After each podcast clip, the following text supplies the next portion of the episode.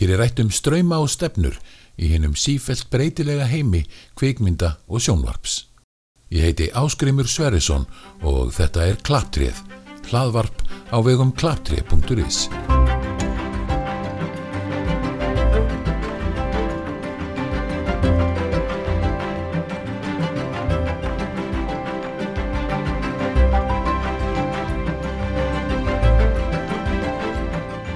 þessum síðasta þætti ársins fekk ég þau Kristínu Andreu Þórðardóttur, framleiðanda, leggstjóra og einn stjórnenda Skjaldborgarháttíðarinnar og Ragnar Bragason, leggstjóra, handriðsöfund og formann samtaka kvikmyndalegstjóra til að fara yfir það sem hæst bar á árinu 2022 í íslenska kvikmynda og sjómasbransanum sem á horfurnar framöndan. Jæja, ef við byrjum á því að uh, veltaði fyrir okkur bara svona árið uh, varðandi íslenskar myndir og þess að þar. Nú erum við náttúrulega að koma út úr COVID-inu en það er nú ljóst að kannski árið verður ekkert, þetta verður nú ekkert einhvað glæstasta ára aðsóknarlega í, í, í, hérna, í, á íslenskar kvikmyndir. En hva, hvernig horfir þetta við ykkur? Það er að segja, eru við að gera of lítið af myndum sem höfða til almennings, bara svo ég spyrja hreint út. Þetta er stórt, stórtið spurt. Sko höfðar til almennings, þetta er náttúrulega sko, þetta er svo afstætt ef það væri eitthvað svona sem að ef það væri einhver, til einhver formúla hvað höfðar til almennings og hvað ekki, þú getur náttúrulega fara í einhverja svona fyrirfram ákveðin mót af vinsælum kvikmyndum eitthvað en hérna sko þrátt verið að kannski aðsóknin hafi ekki verið eitthvað rífandi á árinu þá finnst mér sko að gæðin hafi verið til staðar. Og að mörguleiti undrast ég sko uh, aðsóknina á sumar þessara mynda.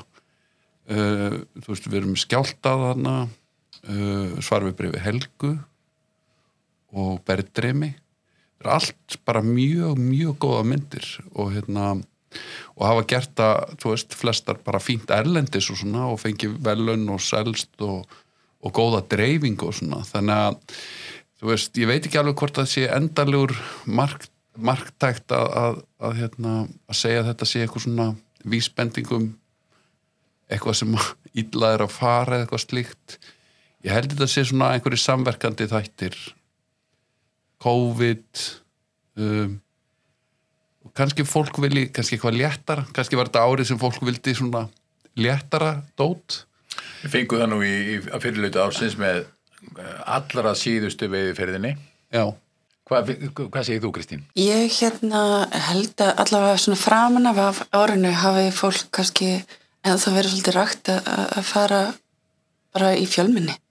Mm -hmm. þannig að kannski svona myndina sem voru að fyrirlauta árs hafi aðeins fundið fyrir því mm -hmm. um, og, og einmitt þú veist eldra fólk þetta er kannski myndir sem höfða kannski aðeins fyrir fólki eldri kantinum svona, og svona drama goða dramamyndir þannig að það geti verið að hluta til skýringin sko mm -hmm.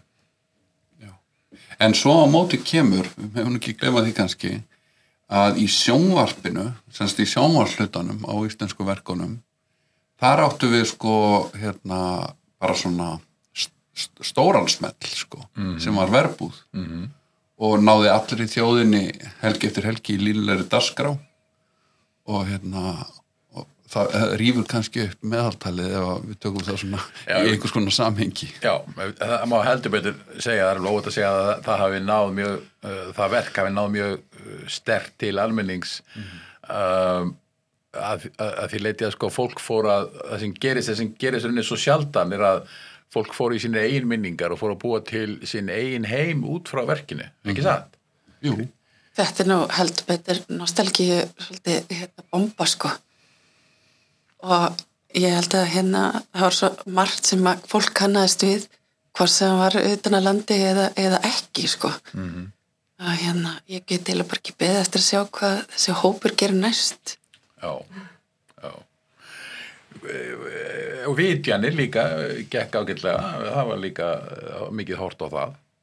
Já, en það er náttúrulega með sko þú veist, uh, Ríkisjónarbi hefur náttúrulega þá sérstöðu sko að, að hérna að aðgengi fólks er náttúrulega almennt. Og Já. þú veist, það er engar takmarkanir á því, þú getur hort á þetta línulega eða, eða á, á efnisveitunni eða hvað þú kallar það, hérna spilar honum Já, þannig að, að hérna, Íslands efni náttúrulega skorar alltaf hátt í áhrastölum sko, en, en, en verbúðin einhvern veginn fór veist lengra, veist, hún varð einhvern veginn meiri partur af samtalinu og svona segja, þjóðarstemmingunni heldur en, heldur en hérna vitjanir. En uh, já er, þetta, er, þetta er náttúrulega hérna, áhugavert að, að hérna, diskutera líka bara þenn, þessi balans milli kvikmynda og sjónvarsefnis ef sjónvarsefnis skildi kall, kalla sko því að þú veist, þetta er náttúrulega við erum að lifa dóltið breyta tíma sko já. Það er, einmitt- það er mér kannski svona svolítið stóra málið í þess að við er- erum að horfa á einhvern veginn að skilin þarna á milli eru að verða öðruvísi náður eða bara breytast eða ka- kannski er þetta er að verða svona eins konar, þetta er að verða næstu því það sama -hmm. en um leið er kannski það sem kemur á móti er að sjónvarpið er náttúrulega með svo miklu meiri útbreyðslu og auðveldara aðgengi fyrir almenning þannig að er hægt á því að, að kvikmyndið er svolítið svona viki til hliðar fyrir, fyrir þáttaröðunum Heldur það Kristi? Ég vona ekki. Nei, ég held ekki. Ég held að, að, hérna, að þú veist, allt tala um að, að kveikmyndin nigni og allt það. Ég held að við bara, þú veist, uh, ég, ég tek bara svo gott dæmi er, er hérna uh, bara bíóparadís. Við tölum bara um bíóparadís sem er svona okkar bíó, dálítið, uh, kveikmyndagerða manna. Að hérna, bíóparadís hefur aldrei gengið betur og kom alveg sko, veist, með kvínandi siglingu út úr þessu COVID og með sér meðan COVID var -hmm. þannig að, að hérna, það er kannski er einhvers konar, og maður sér það eins og núna er verið að opna svona nýja sali þarna upp í kringlu og endur bæta umhverju þar sko í kringlu bíó -hmm. uh, þú veist komið svona svona meiri, hvað ég segja, svona kultural stemming kannski heldur en svona rátt uh, mólbíó eða svona hérna það er bara, uh, já, svona menningarlegra og ég er ekki að segja að þau í kringlunni eða sam, séu að herma eftir bíóparadís en það er samt svona vísir að því að maður lappar þetta um núna.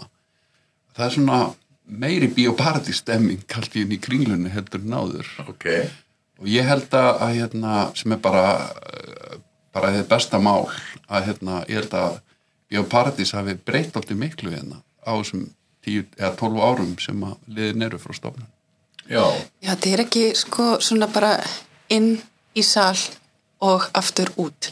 Veist, það er, Bíópartís hefur náða að gera í rauninni svona, þetta er, er svona upplifunar eh, umhverfi. -hmm. Það er sko barinanna og andrið frammi, eh, tónlistin sem er í gangi, veist, þetta er svolítið svona bara eins og koma inn á kaffús og hérna, eða félagsmyndstöð já, og svo eru þau náttúrulega með svo mikið af svona upplifinar uh, í rauninni ste- búa til mikla stemmingu kringu sérstakar sýningar.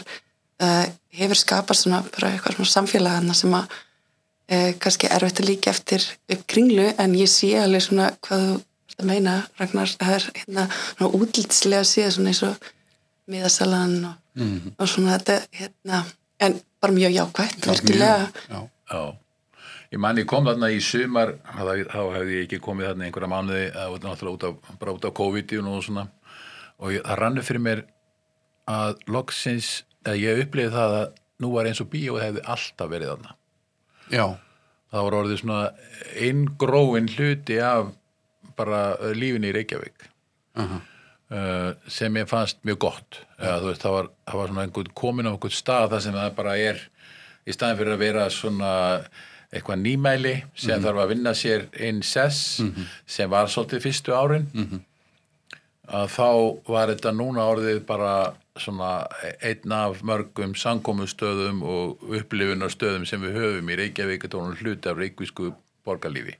Ég held að, að, hluta til uh, hérna sko uh, kvikmynda svona læsis hlutin að það er byrjað mjög snemma í bíónu að bjóða upp á síningar fyrir börn á grunnskólaaldri að bjóða börnum í bíó að horfa á, veist, á skólatíma að koma að horfa á einhverja klassík og með kynningu og, og svo framvegis. Og ég held að tól- eh, 12 ár líða og þú veist, börnin sem voru 10 ára þegar þau komu fyrst eða 8 ára eða 15 eða hvað það er. Þau eru orðin uh, fastakunni í biopartís mörg hver. Ég sé það bara á svonum mínum sem voru í Östubæjaskóla þegar bíóið opnaði þeir eru, eru með bara 11 ára eða eitthvað svo leiðis Já, þeir eru sko bara vikulegir gestir nánast í biopartís veist, sjá eil allt sem kemur og, og hérna og ekki bara þeir heldur vinnið þeirra líka og þú veist, það er svona það er búið að ala upp líka hérna viðskiptavinnin sko einmitt, einmitt. En ef við snúum okkur nú að bransanum uh, og svona, þessi tí sem hæst bara á árinu þá kannski það kemur óneittlega upp í hugan eða uh, tveir mjög samhangandi hlutir finnst mér annars vegar endugreðslu málið þar að segja þessi aukning á endugreðslunni með skilirðum upp í 35% og, uh, og hins vegar uh, það að, að, að, að það var ákveðið að setja kvikmyndastefnuna á ís sem var kynnt fyrir tveimur árum og hafði farið vel af stað uh, en einhvers í tölum fyrst um endurgreiðslumálin þetta, þetta endurgreiðslumál, þessa, aukningu upp í 35% mm. þetta er náttúrulega eitthvað sem uh, svo sem hafði verið í umræðinni lengi en hvaða máli skiptir þetta fyrir uh, íslenska kvikmyndabransan? Ég var alveg uh, mjög vel fylgjandi í þessari 35% uh, stefnu uh, og uh, en það var svolítið, mér fannst það voru vonbriði þegar það var í, sett í rauninni hérna þak á hvaða, hversu stór verkefni mættu, mættu nálgast þessa, þessa endurgræslu. Mér veist hérna mér sveið það í rauninni að það væri þessi mismunun og í rauninni þá eru mjög fá ef einhver íslensk verkefni að fara að ná upp í, upp í þessa upphæð, þetta er 350 miljonir Já, sem að, í- að lámarki og, og hérna ég man ekki alveg hvað var hérna starfskildin, það var hérna líka sérst, fjöl, fjöldi í krúi og, og hérna.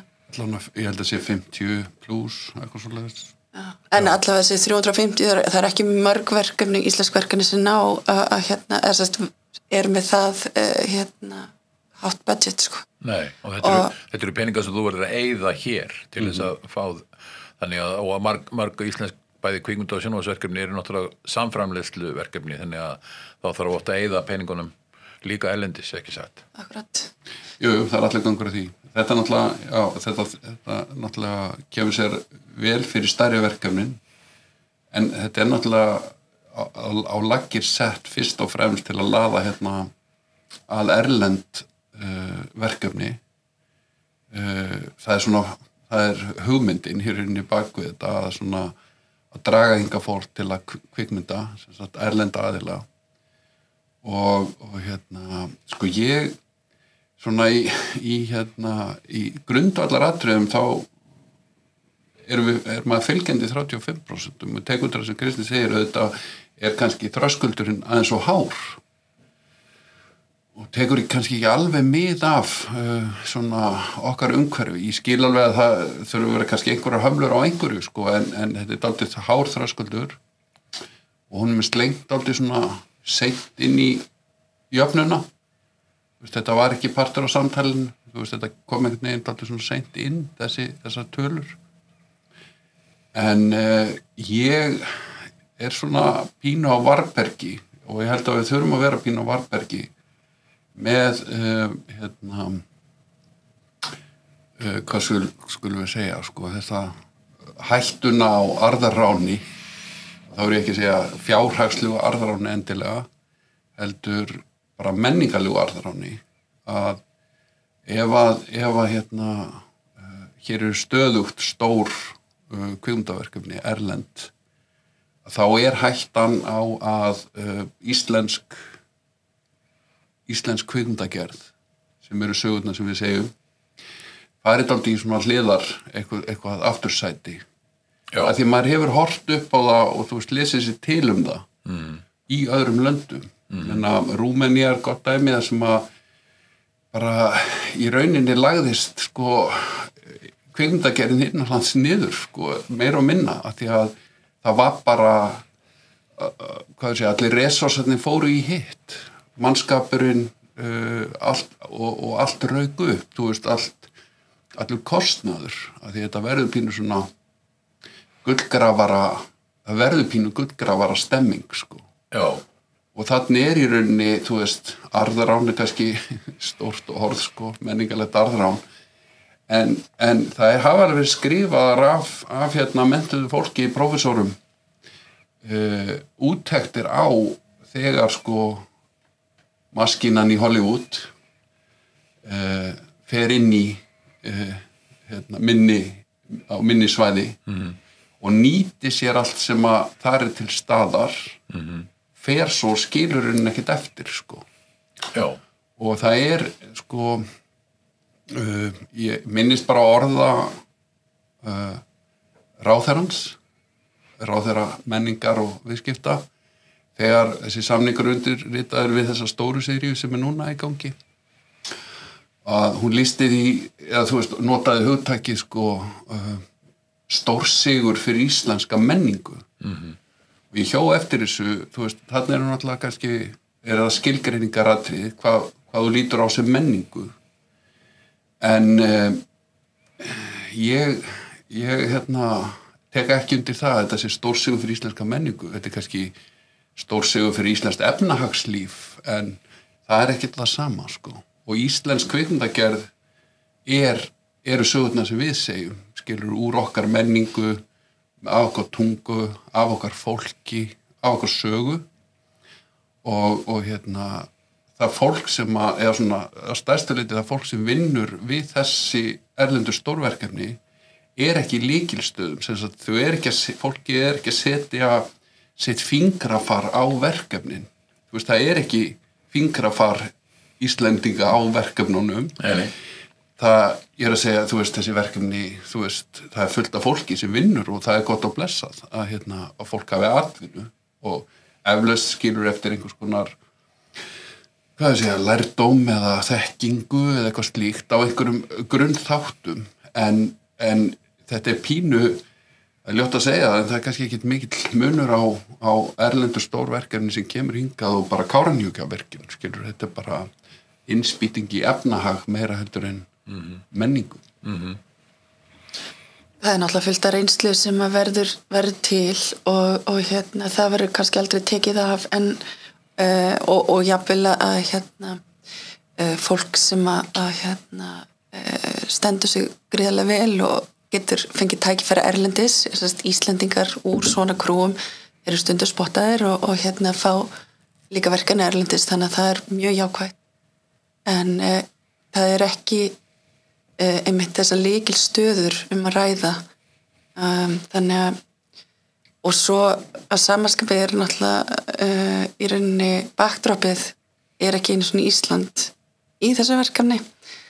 Þetta á að vera í Alaska og, og þannig að þannig ég tek undir það. Þetta er ekki stórsög fyrir íslenska menningu en rosalega stórt uh, viðamikið verkefni fullt af fólki með vinnu og hérna verður gaman að sjá árásturinn en hérna þetta er ekki stórsög fyrir íslenska menningu. Nei, en ég held kannski að þú veist, þe- þetta er gott að blessa og þetta er partur kannski af þú veist, bara einhvers konar ferli og, og hvernig sem við lítum á það en ég held að það þurfi að, að stíga svona allavega, segja, svona eftirlits hluti uh, þessa kerfis. Að það þurfi að bara mjög reglulega að taka stöðuna og, og hérna sjá hvaða áhrif þetta hefur. Þú veist, svona heildrænt í samhenginu sko. Þú veist, eh, peningurinn er fín veist, það er, það er velta og, og, og, okkur veitum nú ekki af gjaldiristekjum og slíku en, en sko hver er hinn viðtæku áhrif til langstíma og þegar Kristín segir að, að þú veist að spottir kannski fólk sem hefur einhver talent og, og það fari kannski vinnu ellendis en að samaskapi þá, þá getur líka orðið atgerfisflótti þá, þú veist, að það er þá verið að svona handpikka út uh, hvað við segja, fólki sem skara fram úr og það fer kannski, þú veist, og, og fer að vinna í Hollywood eða hvað það nú er og, og hérna, og kemur kannski ekki aftur. Og, og þú veist, það, það er alveg við erum stolt af okkar Íslendingum sem að uh, þú veist, njóta velgengni ellendis og svona og það er, það er landkynning í því og, og, og fyllir okkur svona, já, þjóðarstolti. En við erum bara svo fá og þetta er viðkvæmt. Við, þú veist, þessi brans okkar er viðkvæmur. Og þú veist, sagan segir til dæmis í Nýjasjálflandi að, að þú veist, í kringum Lord of the Rings að það var alveg gríðarlegur mannflótti, að atgerfisflótti frá Nýjasjálflandi til Hollywood eftir það, það er myndir og það var lítið eftir í, í, í hérna, nýsjálfiskri kvindagerð og, og hún hefur ekki borið sitt bara síðan. Þannig að þú veist það eru alveg fullt af dæmum hér og þar það sem þetta hefur gerst. Út af því að vegna þess hversu viðkvæmur bransin okkar er þá finnst mér mjög mikilvægt að það sé ekki verið að horfa á þetta sem uh, síkvöld hlutin. Það verður að hugsa þetta sem eina heild mm mínum að og ekki láta okkur vera einhvern veginn að býtast innbyrðis uh, veist, mjög erfitt þegar við- það er eiginlega svona í fjölmjölum og annað náttúrulega búið að stilla okkur þannig upp en það er búið að setja okkur í þessa, þessa aðstöðu. Og uh, þess vegna sko finnst mér mjög finnst mjög erfitt þegar þessi gríðarlega góða vinna sem fór í þessi kvikmyndastefnu er bara sett hún í skúffu og við veitum ekkit hvað verður. Vissilega er búið að draga eitthvað að þessum niðurskura uh, nýf tilbaka eða, uh, en það er samt bara til hálfs. Og það sem eftir er það sem átti í rauninni að, að fara inn í sjóðin á, á næsta ári uh, það sem að vera milli þetta er eitthvað um 250 miljónir hversu mörg íslensk verkefni eru það? Uh, og hversu mörg verkefni verður þá ekki til?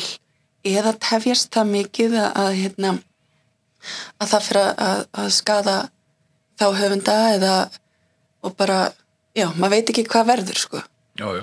Nei, það er einmitt, það er, það er náttúrulega ónættilega kom þetta, held ég, flestum á mjög mikið á óvart þegar þetta var tilkynnt eða svona svolítið upp úr þurru eh, þegar fjárlögin komu að þarna væri þarna staði til að skera niður sjóðunum 500 miljónir uh, sem er rauninni um þriðungur, hátt í þriðungur og uh, eftir að hafa verið, eftir að kvikmyndastefna var lögð fram fyrir tveimur árum og henni hafði verið fyllt eftir með auknu fjármagni uh, í tvö, uh, tvö ára þarna á undan uh, allir voru meira og minna búast við því að það er minnst kosti haldið áfram á þeim nótum. Uh, það sem ég máttúrulega spurði sér samt alveg frá upphafi frá því að kvikmyndastefna var lögð fram er hvað er planið til nokkura ára í senn eins og hafi verið gert. Þannig að við sjáum svona hugmyndina um uppbygginguna uh, en allt í en það kom alltaf fyrir, fyrir tveimur árum allt í er, það er verið þrjú ár núna uh, mjög mikil aukning.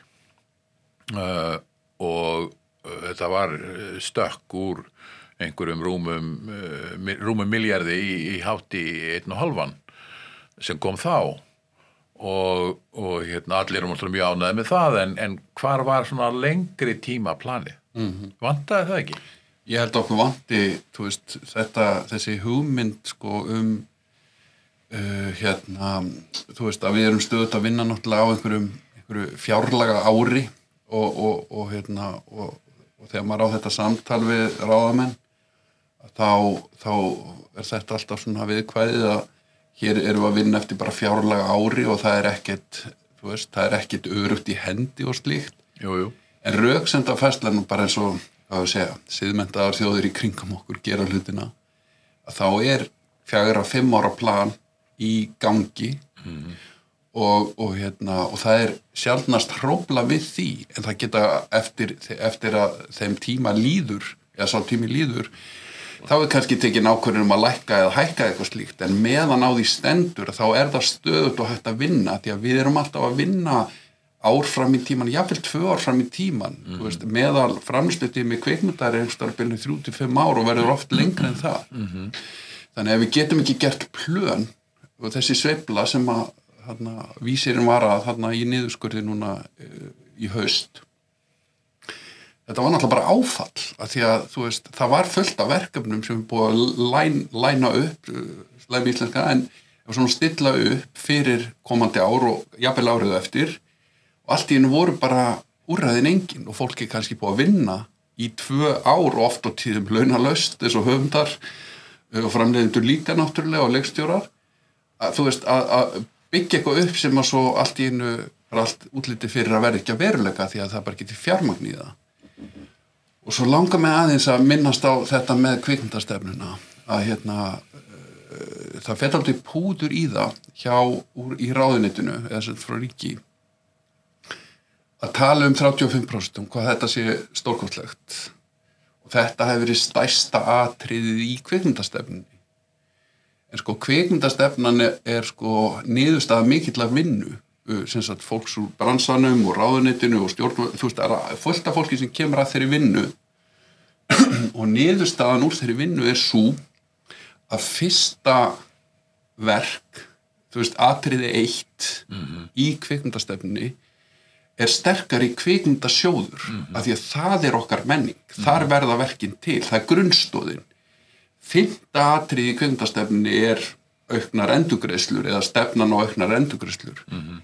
En allt í hennu er það tekið neðar úr, úr hérna, hvað ég segja svona uh, þess sem mikilvægt er Já. og skellt efist sem stærsta atrið það, það, það varði til eitthvað svona eitthvað pínu róf uh, í framvindunni þarna og, og hérna enn og aftur í skil efnahagslegu raukin en þetta er ekki út frá menningarlegum raukum þá heldur þetta ekki vatni sko. Ég sammála þessu Kristi Já, ég er samanlega þessu uh, hjartanlega og ég bara, ef ef við komum kannski bara aftur að, þú veist, við þurfum að segja íslenska sögur. Fólk þarf að geta spekla sig í, í því, þeim kvikmyndum sem eru gerðar hér og eins og ég har að tala um aðan, hversu margir voru ekki að spekla sig í, í, í verbúðinni. um, og þessar kvikmyndir sem eru hér uh, frumsýndir á árinu þetta er allt opaslega fallegar uh, mannlegar sögur, mannlegt drama. Að speikla sig í því er ómetalegt líka. Þannig að hérna um, auðu kvikmynda menning var þarna þetta fyrsta, fyrsta markmið og aðal uh, atriði í því var sterkara sögakerfi uh, efla sjóðinn og, og, og einmitt líka búa til alveg sérstakann uh, sjóð erðnamertum sjóvasemni en ég, þannig að mér þykir mjög miður að þetta sé í rauninni bara uh, í rauninni eins og þessi, þessi telt fram í dag er, er eitthvað, eitthvað allt annað heldur en uh, var blásið til hér rosalegs blaðamannum fundar og, og hérna fyrir tveimur árum og svo er þetta bara eitthvað neginn allt tekið tilbaka og sett henni skúfu en svona ef við hérna, ræðum samt þá allan svona jákvæðu hlutina. Því það er náttúrulega fleiri hlutir í stefnunni og, og þótt að eins og þú nefndir á en þá vanti kannski tölunar þú veist, þær voru nú partur af stefnunni uppalega áður núni byrt það plaggi nú ennþá til sko, þótt að einn útgefni pappír sem kemur út stefnan sjálf sko, stipluð að það er búið að taka út í rauninni svona starsta hlutan af henni tölulegu greiningu eða sem sagt uh, en þú veist þessar tölur voru í stefnunni sko, þú veist í plagginu sem að gengi var frá sín tíma. En svo tekin einhver ákvörðun í ráðuneytinu að, sem sagt, að þessar tölur ættu nú ekki að vera svona útgefnar til að það væri nú svo ekki þetta að hanga fólk kannski eða að væri ekki óbindandi eða eitthvað slíkt sko. En þetta voru einhverja tölur sem að fólk var búið að ræða og, og komast að niðurstöðu og væri nöðsynlegar sko að því að við erum í uppbyggingu líka við erum að, við erum að horfa til framtíðar sko. Jú, jú. En einmitt varandi það, þá veltum við fyrir sig hvers vegna það var ekki gert vegna þess að þetta, nú, þetta er ekki beintið svo þetta sé eitthvað nýtt, þetta, hafði, þetta hefur verið gert þar að segja einhvers konar samkomula millir stjórnvalda og bransans hefur verið í gangi, já, ég laði allir götu síðan, ní- ní- ní- síðan 99 uh, þar sem það er búið til eitthvað plan um kannski fjögur ára uppbyggingu í senn og jújú, jú, af stundum hefur svo komið núna smá gap á milli en, en svo hefur komið næsti samningur og hann er til fjögur ára og vissulega hefur ekki alltaf verið staði við það en það er þó minnst ekki alltaf búið til plan -hmm. nokkur reglulega, svona uppbygging til einhverja ára í senn. Já, uh, en núna ekki. Nei, en þetta er líka hérna, þetta er annað samtal sem hefur nú átt sér stað og er partur af samtalinu ennþá þú veist, ég hérna þú veist, sem kvikmyndaráð og, og formið fagfélag og annað, þú veist, eiga við ráðuneytið er, er sko að hérna Uh, þetta er heila bara hva, á, hva, hva, hvert er sjónarhotnið á uh, svo kvikmyndasjóð eða kvikmyndamiðstöð? Uh, það er litið á það sem svona flögt, þetta er sjóður einhvern veginn og þá er litið á það sem að það megi bara flögtadaldið það er ekki litið á það sem stopnun -hmm. eins og til dæmis bara symfóni eða þjóðlikús mm -hmm. og í grunn atriðum þá er kvikmyndasjóður og kvikmyndamiðstöð stopnunin, grunn, grunnstóðin Hmm. sem að sko hérna uh, þú veist allt byggir á, það, það stendur allt ón á því eða sem sprettur af því mm -hmm.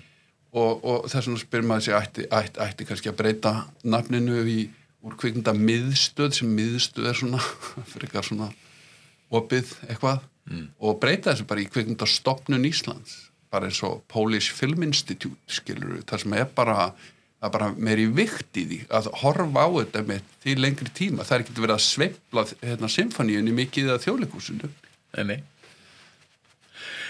en, en eh, ok þess að þetta er eitthvað sem kannski þarf að skoða betur uh, uh, varðandi svona uppbyggingu svona plan til einhverja ára í senn þannig að það sé ákveði svona stöðuleiki í bransanum sem kvimdaframlegundur hafa verið duglegir að benda á En, en hérna, eitt af því sem er kannski jákvægt í stefnunni er, er það var talað um aukna kvikmyndamentun og, og, og hérna sem og nú hóf kvikmynda lista deild listaháskólans mm -hmm. Gungu sína í haust Já. hvernig er það það er allavega svona jákvægt sem kom út úr stefnunni, ekki satt Kristín? Vissulega, þetta er, er náttúrulega eitthvað sem að, að, að við erum komin á næsta level, fyrst mér mm. og hérna og ég hlakka bara til að sjá hvað kemur út úr því Það má eiginlega segja sko að, að þegar sko við loksins er hægt að bjóða upp á kveikmyndanám á háskóla stíi sem er akademís nám sem að, sem að, það er bara gerðar kröfur til nefnda og það er, það er valið inn eða sem að það er ekki, það komast ekki allir inn í deildina, ég menna að það er kannski sjöt eins og ég bara í haust ég man ekki hvað það var bílinu 60-70 manns allavega sem sótt um sem var frekar hátt fyrir svona skóla sem er að hefja, hefja fyrstu skref mm -hmm. og það er teknin tólnefndur þannig að þú veist það er svona veist, rjómin af, af þessum 70 eða þeir sem voru tilbúinir kannski. Það, veist, þannig að það er strax komin svona eh, hvað ég segja, það er svona komin einhver gæða standard aldrei strax þar skilur, það er valið inn fólk sem að sínir veist, einhvers konar hæfileika eða, eða hvað ég segja hérna, það er að hægt að gera væntingar til að mista kosti. Uh, og ég kendi, kendi núna uh, bara einn kurs núna á mótinni Ásu Helgu Hjörleifs uh, semst bleikstjórnarkurs mm -hmm. við skiptum þessu svona tvert hún, hún tekur svona fræði, fræðilegri hlutan og ég er svona verklega þáttinn. Bara svona grunnatriðin og ég bara uh, verði nú að viðkenna það og ég hérna, þetta var kannski takaða fram að sónum minn er einn af nefndum hana. Það var áhugavert fyrir hann að slepp ekki við mig en, en hérna þannig að sko þetta er maður kannski ekki alveg hlutlaus uh, þegar maður talar um, um gæði hópsins. En mér fann bara strax sko lokaverkefni annarinnar að það var bara þú veist við, það var svona panel af, hérna af uh, uh, kennurum og, og hérna yfirmennum í deild og svona sem að horfa á þessi verk og svona, þú veist, gaggrinninn og uppbyggilegt samtal við nefnendur um sín verk, allir gerðu sína mynd. Mm. og gæðin á því voru bara uh, mjög, mjög há. Þú veist, standardin. Og, og þetta eru metnaðafulli nefnendur ég bara tek einn ónafngreindan nefnda þarna sem að sko er ætlar að verða kveikmynda tökumadur það er hans svona sérgrein. Mm -hmm. og hann gerir sko lokaverkefni á fyrstu og, og tekur þá mynd upp á Super 16 á filmu, sem sagt 16mm filmu. Og, og hérna það er ekki, það er ekkit partur af, af, af, af svona, hvað ég segja, tæki eða úrræðum skólans á fyrstu önn.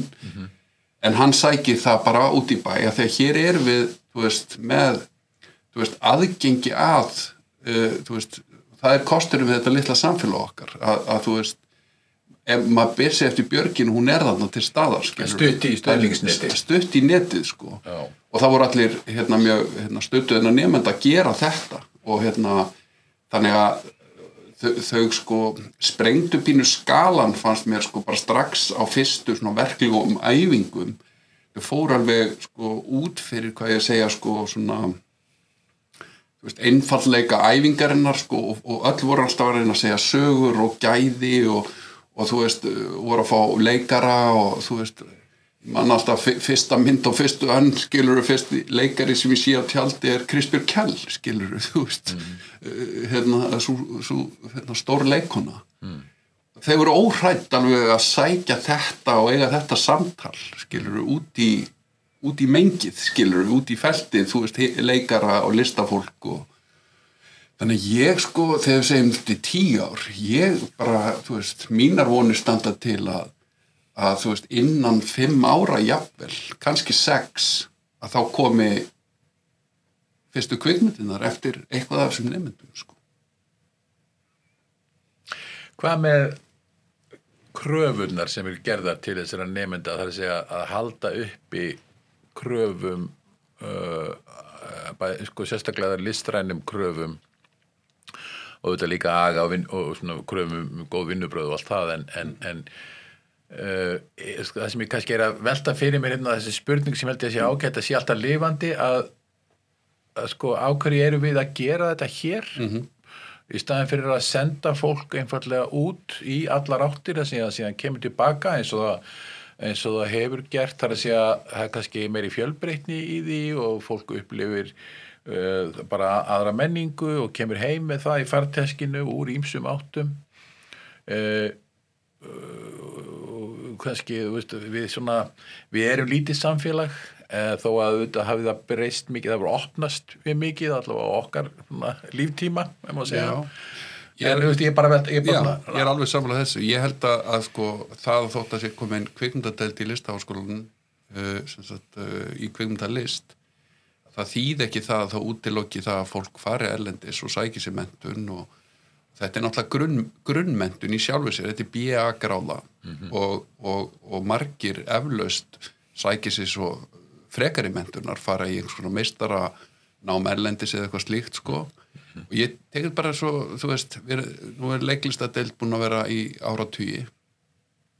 Leiklistaskólinn, svo fer það upp í lista áskóla það er ekki einu leikararnir sem að vera til á Íslandi er ekki þeir sem að fara í leiklistaskóla Íslands eða, og svo lista áskólan það er fullt af leikurum sem sækja sér frekar nám Erlendis, þú veist ákveða að fara til Breitlands eða Danmerkur eða eitthvað. Þannig að þú veist, þetta er bara þetta er bara, sko, að bjóð að, að þetta sé í bóði á viðráðunlegu verði líka. Það vil segja, þú veist, ef við tölum um verð þú veist, hvað nefnandinn er að borga bara í skólagjöld og slíkt að það er, það er ekkit endilega allir sem hafa resursa til að fara í dýrt nám erlendis. Og hérna og þannig að þú veist þetta er þetta, talandum að kvikmyndasjöðu sé einhvers konar grunnstóð í allan mín trú eh, mín trú er svo að, að, þessi deild verði í framtíðinni uh, önnur grunnstóð að þarna spretti þú veist verði grassrótin, skilur við, þarna komi unga fólki nýjurattinnar og allt þetta. En enn og aftur, auðvitað þarf stöðut að vera að fylgjast með og, og passa að það verði, þú veist ekki, einsleikni og hvaða nú er, sko.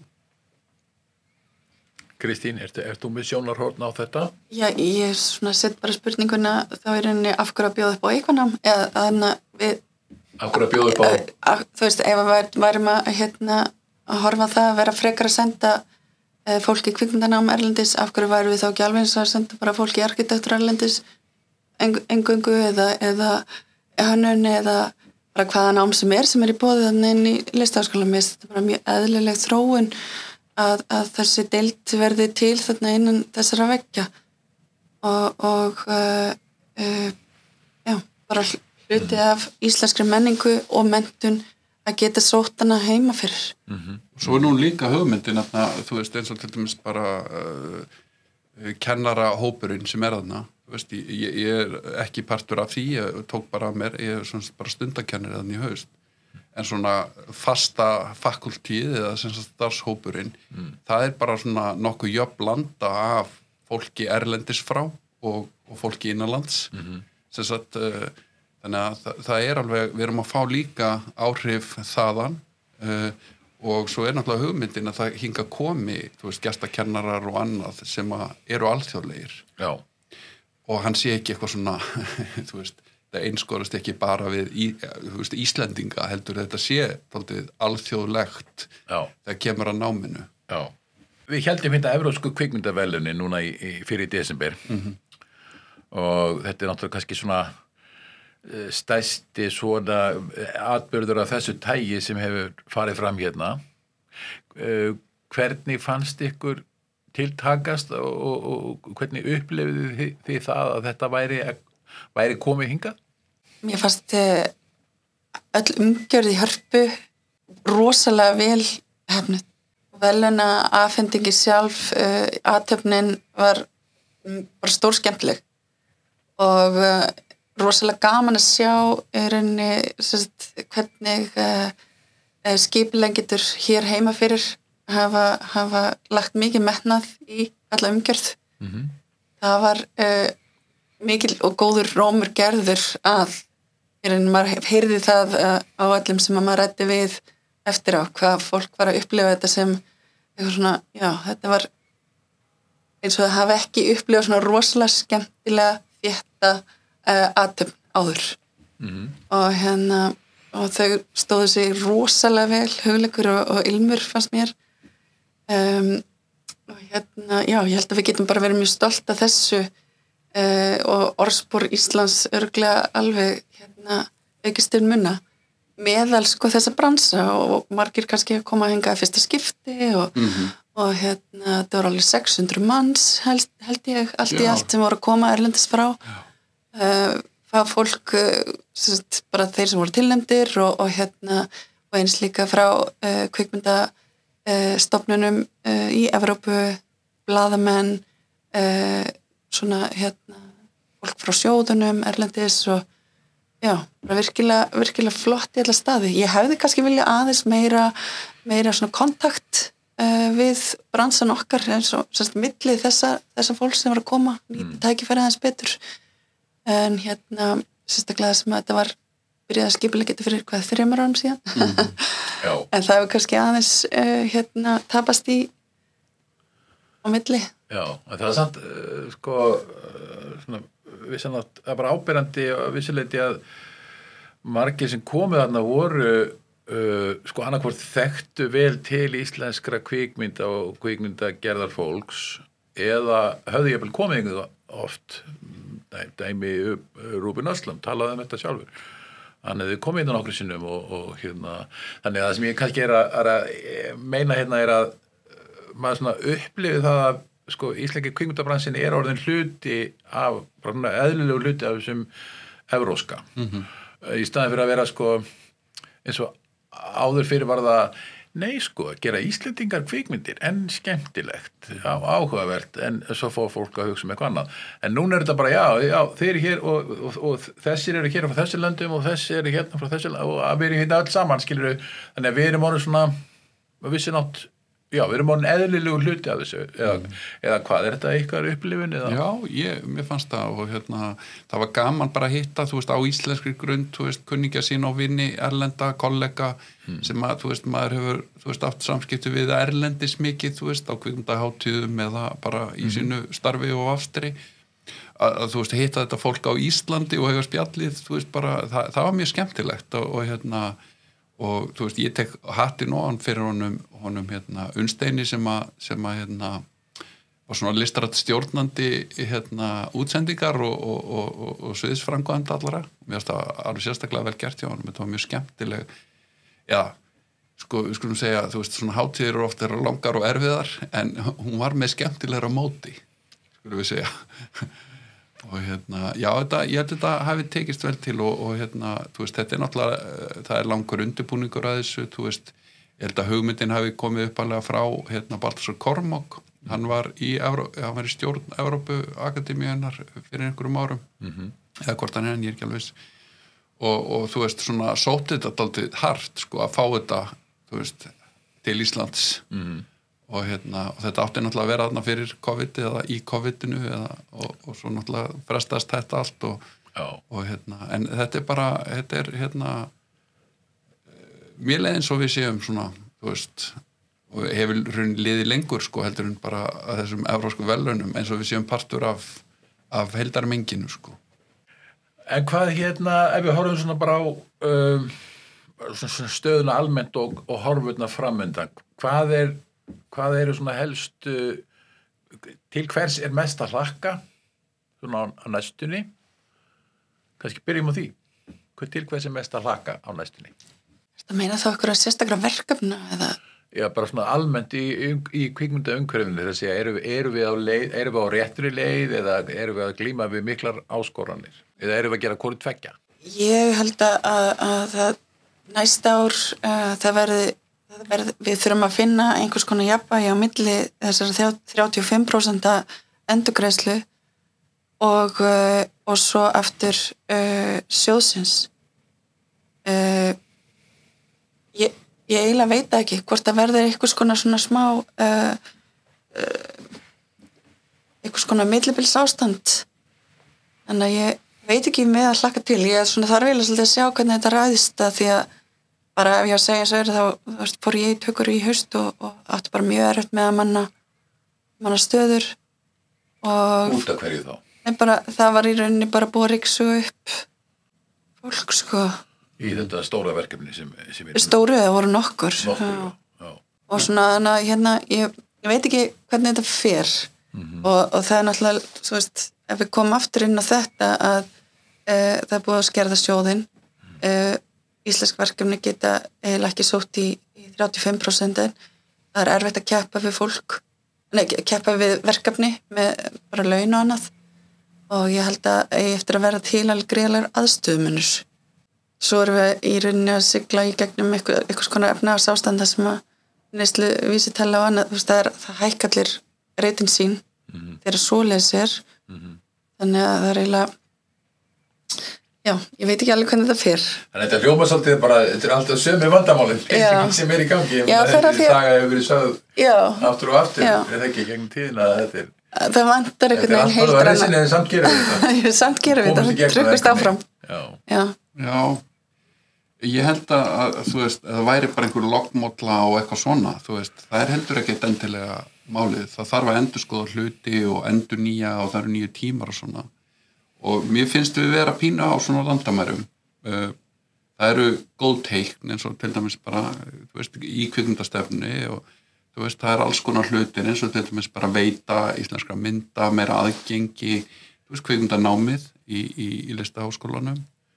Uh, og alls konar þættir. Og svo eru svona, hvað ég segja, svona í þessari grunnstofu okkar kvikmyndasjóði og kvikmyndamiðstöð að það eru endur, nú er verið að endur skoða veist, reglur, gamla reglugerðir og kvikmyndalögin sem slík og, og, og hérna, það hefur sko í tel þessum ráð, núverandi ráð þegar Lilju Alfredsdóttur það til tekna að þú veist, maður sé nú kannski ekki full sátt við allt sem hún hefur gert og hvernig hún hefur gert hlutina að þá eru margir jákvæðir hlutir svona í bígerð -hmm.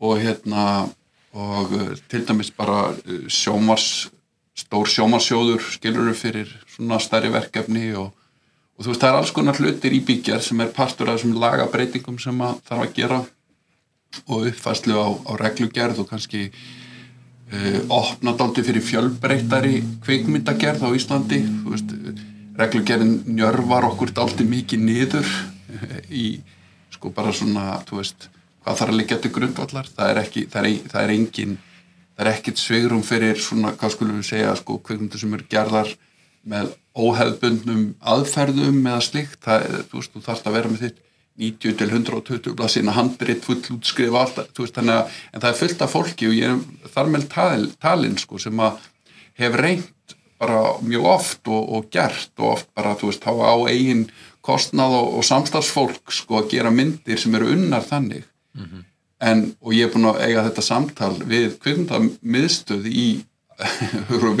á annan áratug að þessu, þetta þurfa uppfærast. Og mín von er að í nýri reglugerða þá, þá svona verði meira svegrum, skilur þú veist að, að, að reynum að sprengja upp einsleitnina og reynum að verða bara fjölbreyttari og þú veist, nýjar aðferðir með nýju fólki kemur eitthvað en svo er náttúrulega eins og þú veist, það er verið að fara að ráða nýjan fórstuðumann yfir kvöndamöðstöð á næsta ári. Og það er líka bara spennandi þú veist, fylgja því nýju tímar. Og þú veist, auðvitað með nýju fólki eru nýjar áherslur og annars líkt, þannig að það er alveg spennandi þú veist, og hvað legt kannski fyrir suma, en, en þú veist ég held að það sé gott, þú veist, að við þurfum að endur nýja hluti og halda hlutum á reyfingu Kristín ef, ef það er eitthvað ef þú máttir velja eitthvað eitt sem þú vildir sjá að væri bætt í starfsumhverfi kvikmyndagerðarinnar á Íslandi hvað myndi það vera? um, að við getum treyst á eitthvað meiri stöðuleika að þurfa ekki að vera að uh, alltaf að taka upp uh, þráðin með að berjast fyrir einhverju. Við getum í rauninni fengið bara að vinna það eru mjög margir uh, ragnar þar á meðal sem að hafa lagt gríðarlega miklu vinnu í uh, samskipti við uh, hérna uh, ráðunettið uh, uh, mjög virkir allir félagsstara til dæmis. Það er svona ég held að, held að fólk þurfi kannski bara að fara að fá aðeins meiri stöðuleika í þetta umhverfi. Og ég tek undir það sem hann saði hérna áðan að þetta er gert að stopnun já, það er, það er kannski svolítið líkilatrið í einhverju stöðuleika Já, ég held ekki, já, stöðuleikanum fylgir náttúrulega það að, að hérna, þá getum við kannski, þú veist, einbeitt okkur að því sem við eigum að vera einbeitt okkur að, sko, að, þú veist, hérna, við erum alveg talsverður hópur sem að kannski svona, þú veist, uh, hérna, svona verið í forsværi, sko, gagvartinu ofinbera, þú veist, formið fagfélaga og kvimdaráð og, og svona, sem er allt verðfælega skipað og svona, það fer ofbáslega mikil, mikil tími í þetta og, og mikil vinna. Og þetta er náttúrulega að stærstur heiti bara sjálfbóðavinna, þetta er bara hugssjónastarf, þú veist, það er bara uh, þú veist, maður er bara mann er rennublóðu til skildunar að taka þátt í því og fólk, það er allir bonir og búnir þegar, þegar maður leitar til fólks, þú veist, eftir aðstóða þá, þá, þá finnur maður það alveg einhugur í bransanum að því að þú veist, okkur þykir vænt um íslenska kviðundagerð og við, við kannski skiljum best hversu mikilvæg hún er, skilur að því að við, við hérna við, við lifum og sofum í henni sko. og, en mér finnst sko, þú veist bara svona, hvað ég segja uh, það, það, það er auðveldara að hérna, hvað ég segja, samfara fólk í dag heldur en var bara fyrir 10-15 árum um mikilvægi þess skilur út og bara hagtölur segja það, við veltum 20-30 miljörðum og allt þetta, bara, þú veist, hérna innanlands og, og, hérna, og íslenska kvikmyndir ganga mjög vel. Að meina ég, þú veist, við, það það mætti kannski koma fleiri í bíó á Íslandi en myndina dreifast vel, þar seljast vel vinna mikið af hátíðum mm -hmm. velunum og stórum hátíðum og, og veist, það líður ekki það ára við erum ekki á aðhátíðum það semst okkar, þó við gerum ekki margar myndir að þá eru þar á bestu hátíðunum við erum á Feneum og Cannes og Toronto og Rotterdam og San Sebastian og öllum þessum stöðum. Þannig að, að hérna, ég held að framtíðin sé björt og þú veist það er alveg að koma myndir sem að á næsta ári sem ég hef séð eh, svo he- heppin að sjá, þú veist bara í vinnuferli eins og ferð með mömmu eftir Hilmar Oddsson sem er alveg frábæri mynd og, og fyrsta myndin er Elsumarju, Villibráð og veist, það er að koma mjög góðar kvikmyndir og hérna, þannig að þú veist ég myndi sér svona þegar maður svona reynir að, að horfa bara svona kalt á það, þá er framtíðin björt sko. Það eru mörg spennandi verkefni framöndan og, og, og í vændum. Ég, ég er einmitt líka rosalega spennt fyrir hérna, heima er best eh, sem ég er búin að heyra rosalega mikið gott, og gott um. Og hérna svo kynnt að verka vinslu daginn hann kringum Európa-velunin um, Já. Já, það eru, eru spennandi seríu líka að koma, hérna heimi best, þú veist, eh, og seríun Annitu Brím og þú veist, það eru svona, veist, það eru mjög svona spennandi hlutir að gerast, finnst mér, sko, á, á, á, á hérna, á báðum vikstöðum, kvikmyndum og sjónvarpi. En þú veist, það er, það er sko, veist, okkur fjölgar samt, ef tölum um höfundana og leikstjórana, þú veist, sem er svona kannski upphafspunktur verkefnuna, þú veist, þaðan spretta, þú veist, er þessi fræ sem að, uh, sá þér. Okkur fjölgar og ég sé bara eins og til dæmis í, í okkar félagi, hérna SKL, samtökum kvindalegstjóra, við erum orðin sko 120 í félaginu og, og til að vera gjaldgengur og þarfst að hafa gert eitthvað. Þú kemst ekki inn í félaginu og hafa gert eitthvað. Þannig að þannig eru 120 hérna kveimdalegstjórar mm tæplega. Og það er bara fjölgun um helming frá ég held að við höfum verið bara í kringum 2014 þá voru held í 60 Já, og þe- þetta er bara tvöföldun á fjölda á fólki. Á nokkrum árum. á nokkrum árum á, á rúmum áratug eða tæpum áratug.